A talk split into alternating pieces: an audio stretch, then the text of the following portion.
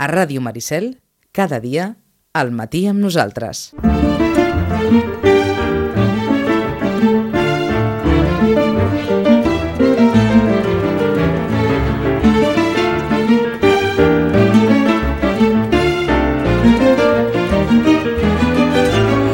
Vinga, anem pels llibres.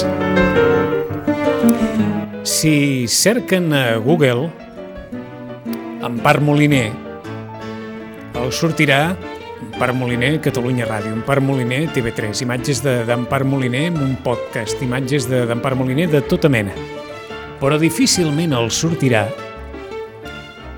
la darrera novel·la d'Empar Moliner, que ha guanyat el Premi Ramon Llull de novel·la, i que a partir d'avui ja es pot trobar a les llibreries. I el cas és que, si posen en part Moliner benvolguda, aleshores aniran a petar no només a la novel·la, sinó a crítiques com les que fa en Bernat Puigtovella a Núvol. Literal, ho llegeixo. Una senyora novel·la. O sigui que estaríem en aquell cas que hem comentat tantes vegades d'un escriptor o una escriptora que es fica dins dels mitjans de comunicació i al final gairebé acaba tan engolida pels mitjans que després, quan es tracta de retrobar la literatura, vas al cercador i la literatura no, no, no apareix perquè hi ha tanta tot es mou, hi ha tanta Catalunya Ràdio, hi ha tant de tot, que, que l'Empar Moliner, novel·lista, no apareix. Rosana Lluc, bon dia, bona hora. Hola, molt bon dia. Quin drama aquest? Uh, sí, perquè, com ella reivindica i té molta raó, uh, ella és una escriptora que ara es guanya la vida en els mitjans de comunicació, però no abans.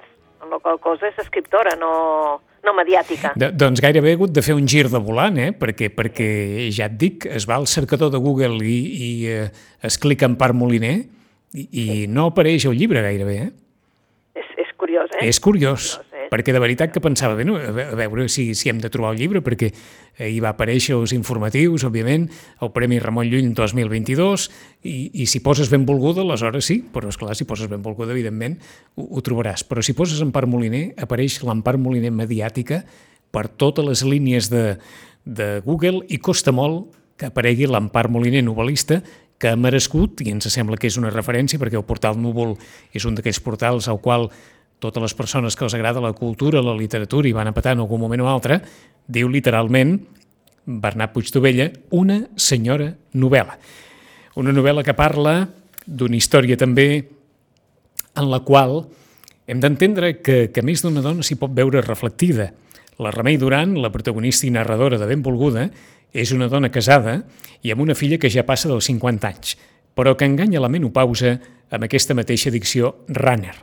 El seu cos necessita aquesta acceleració, el seu pensament tendeix a l'anticipació i un bon dia s'adona, en un instant fatal de lucidesa, que el seu marit, 10 anys més jove que ella, està a punt d'enamorar-se d'una altra dona encara més jove. Sí.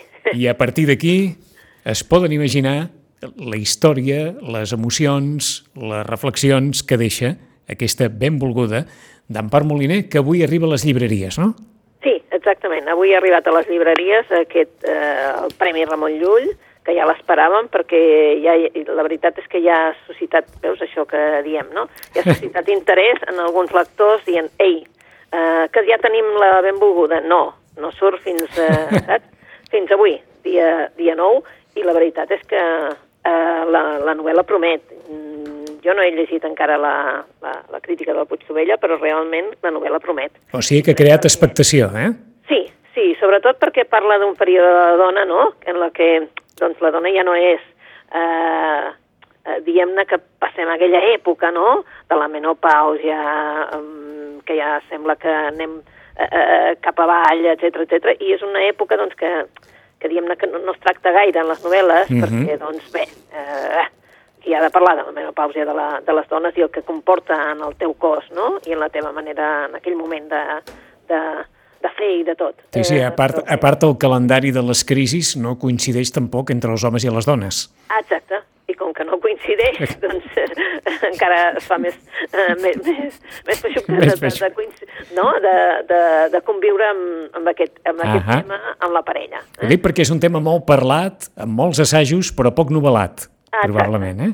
I, per això eh, donem la benvinguda a aquesta benvolguda de l'Empar Moliner, que de fet és una autora que ara quan tu estaves escoltant jo pensava, bueno, però les seves obres han tingut, i és veritat, hi ha obres que han tingut molt d'èxit a l'Empar Moliner quan han sortit. Jo recordo aquella de tot això ho faig perquè tinc molta por, per exemple, mm -hmm. que va ser un èxit total en el moment en què va escriure. Però, és clar, ja estem parlant de, del 2016, per exemple, no?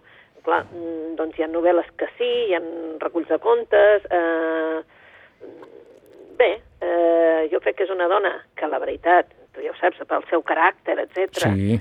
sempre ha sigut mm, tan expansiva que doncs, eh, dona molt de joc amb un, amb un mitjà de comunicació. Sí, sí. Molt, però molt exposada.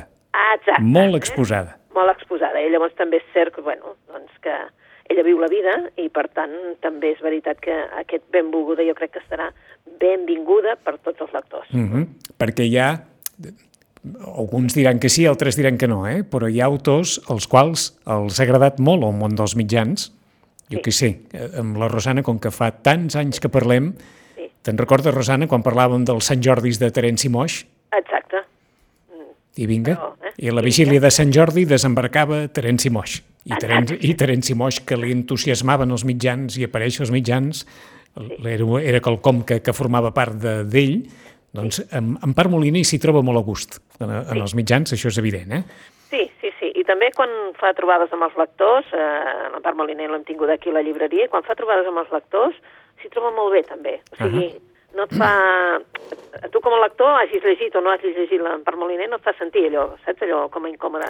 D'acord. vull dir, mm, bueno, tal com és ella, pues, així es mostra amb els seus lectors. No és diferent la- l'Empar Moliner que vius amb la No. que veus per televisió. Exacte, exacte. Uh eh? Doncs hem començat per aquest benvolguda d'Empar Moliner, com a novetat que arriba avui a les llibreries. Vinga, i aquí va reguitzell de novetats.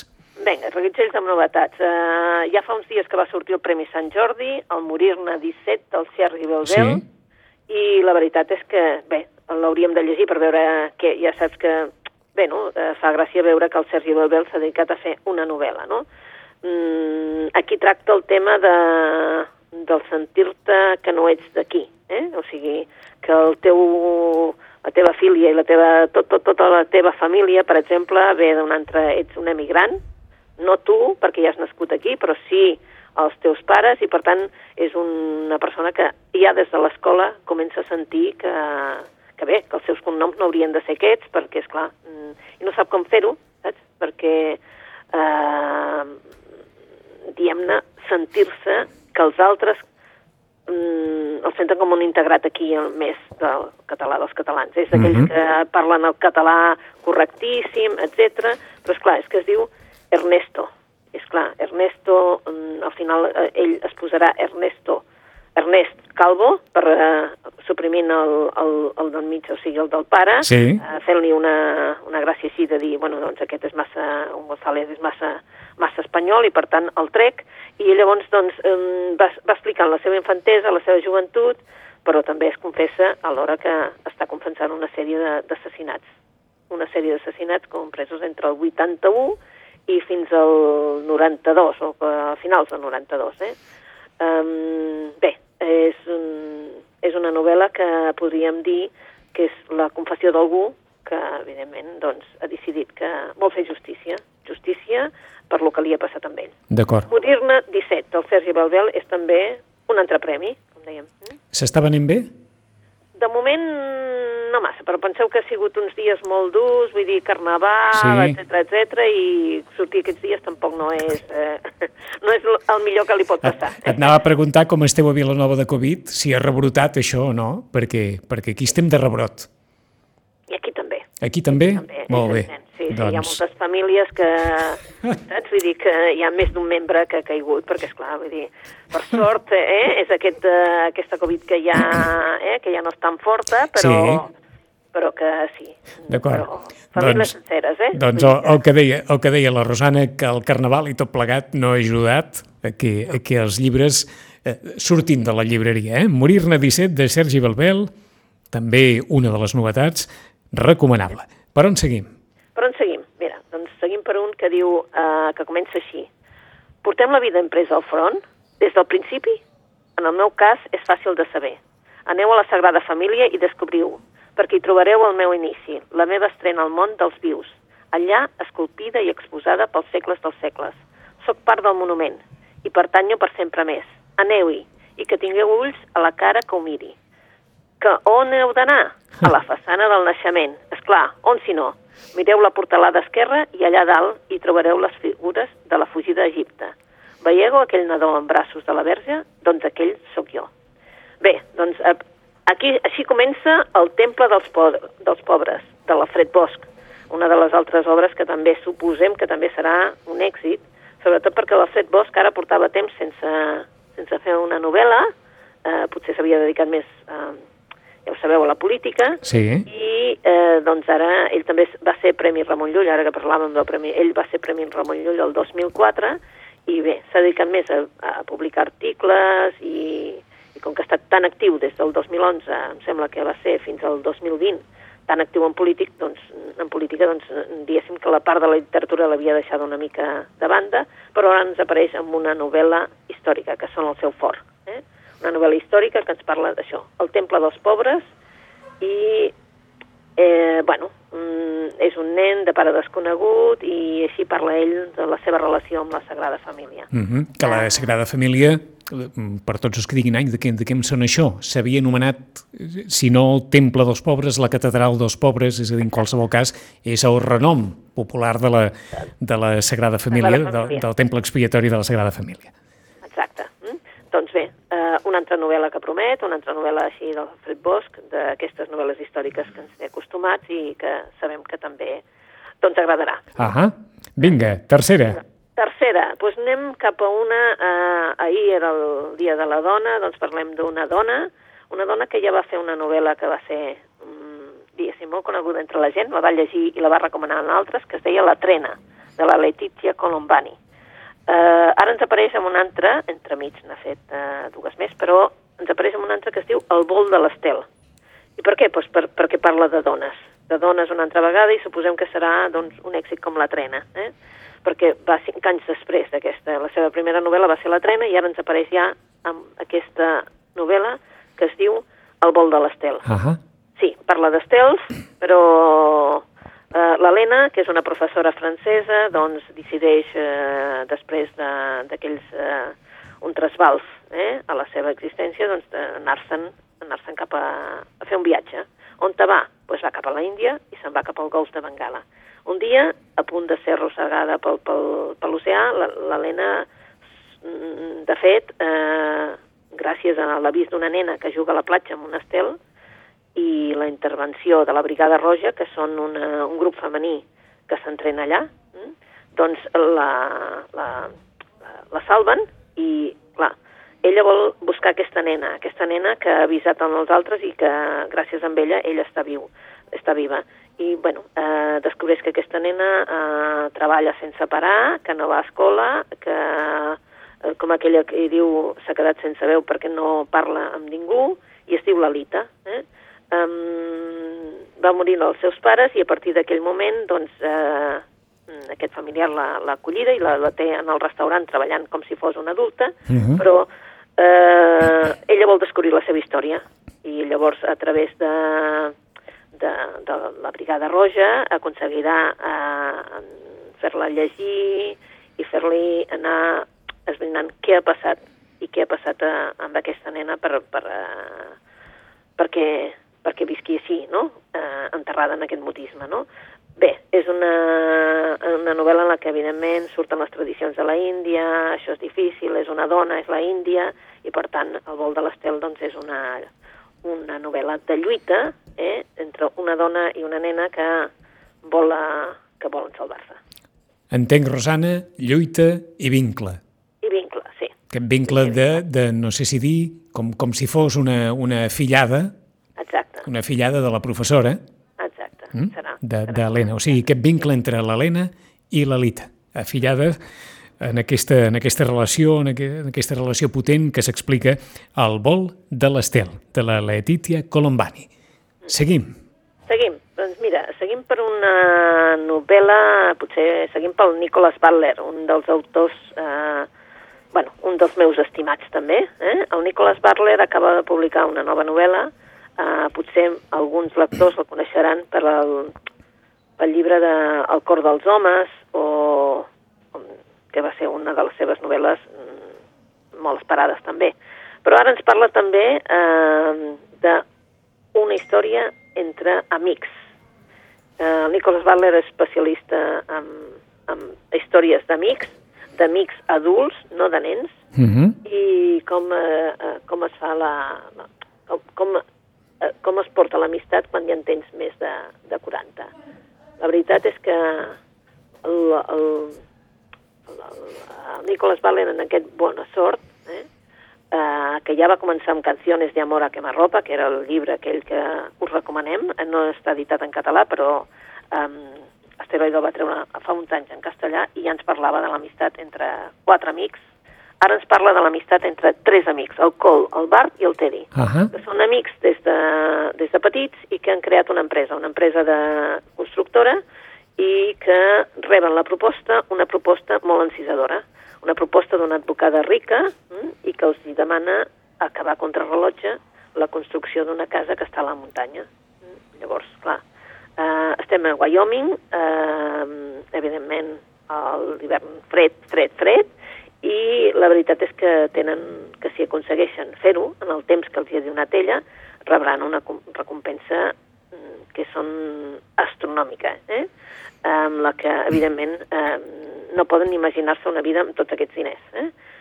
Tot i la perspectiva de que serà molt difícil, etc etc, ells eh, estan d'acord, eh, estan disposats a fer-ho, per, per, per, evidentment, pels diners, i, clar, posaran una mica clar, de vegades l'èxit d'una empresa vol dir també que deixes enrere una sèrie de coses. I en aquest cas es posaran en perill, evidentment, tot. La família, l'amistat entre ells. I, a més a més, eh, el que vol eh, explicar-nos la novel·la és per què s'ha de construir això contra el rellotge? Quins són els motius d'aquesta dona per, per, per exigir aquest termini que, que veuen que és impossible però que estan disposats a tots per aquests diners? Bé, ell torna a indagar una mica el Nicolás Butler en, en l'ànima de cada personatge, no? Què ens porta a actuar eh, d'una certa manera? Eh, com portem el tema d'amistat quan som grans? Mm? I la diferència Mm. mm. entre quan ets gran i quan ets petit i què, què esperes de l'altre quan ets gran i quan ets petit. Això és gairebé un debat de consciència, eh? I, i Sí. d'ètica i de moral, tot barrejat, eh? Tot barrejat, eh? I es diu Bona sort. Bona sort. Bona suerte en català i en, i en castellà de Nicholas Butler, tres amics de més de 40 anys embarrancats en aquesta història que ha de tenir l'objectiu de construir una casa en temps rècord i totes les conseqüències que té per ells i per les famílies. I tenim temps per una novetat més, Rosana. Bueno, pues si aquestes... Bueno, pues posem una altra que és una novetat rabiosa també, que és només en castellà, que es diu Nadie lo sabe, del Toni Gratacós. El Toni Gratacós, doncs, és allò que ho és tot, no? Vull dir, eh, ha fet de periodista, Antena 3, eh, eh, bé, ha participat en un munt de programes i després a la restauració, eh, ha muntat un restaurant. Però Nadie lo sabe és la seva primera novel·la. Per què? Pues perquè un dia, doncs, fent un plat, etc etc i servint, i va veure que, bueno, el nom, el nom de Magallanes li va venir al cap i llavors va decidir que buscava informació, informació, informació i al final ens porta una novel·la que és un thriller. Eh? Per què? Pues que em parla de l'expedició de Magallanes mm, i ens posa un, un personatge que és un noi que ha acabat la carrera, que doncs, està fent doncs, una sèrie d'investigacions i se'n va treballar amb un cronista, que és el Pedro Mártir d'Angleria, que és el que mm, li dona un encàrrec com a ajudant. Eh? Cada viatjar a Sevilla i tenir, eh, bueno, i recabar informació sobre les expedicions ultramar. Eh?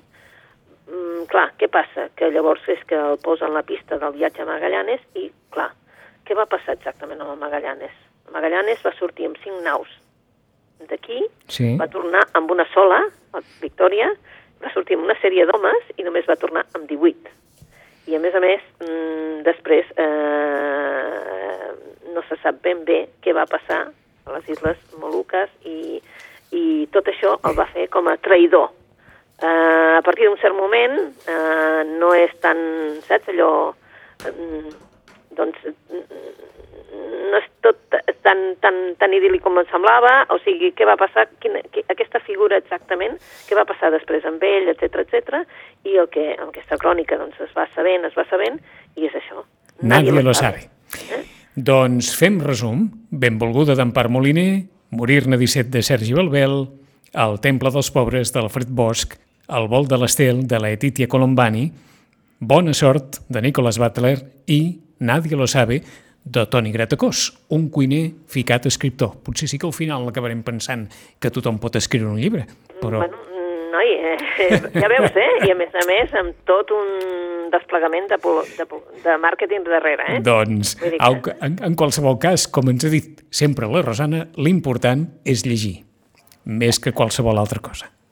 O sigui que en 15 dies tornarem amb el nostre repàs a les eh, novetats literàries de la mà de la Rosana Lluc, com sempre en el temps dels llibres. Rosana, bona lectura, fins d'aquí 15 dies. Bona lectura a tots. Gràcies.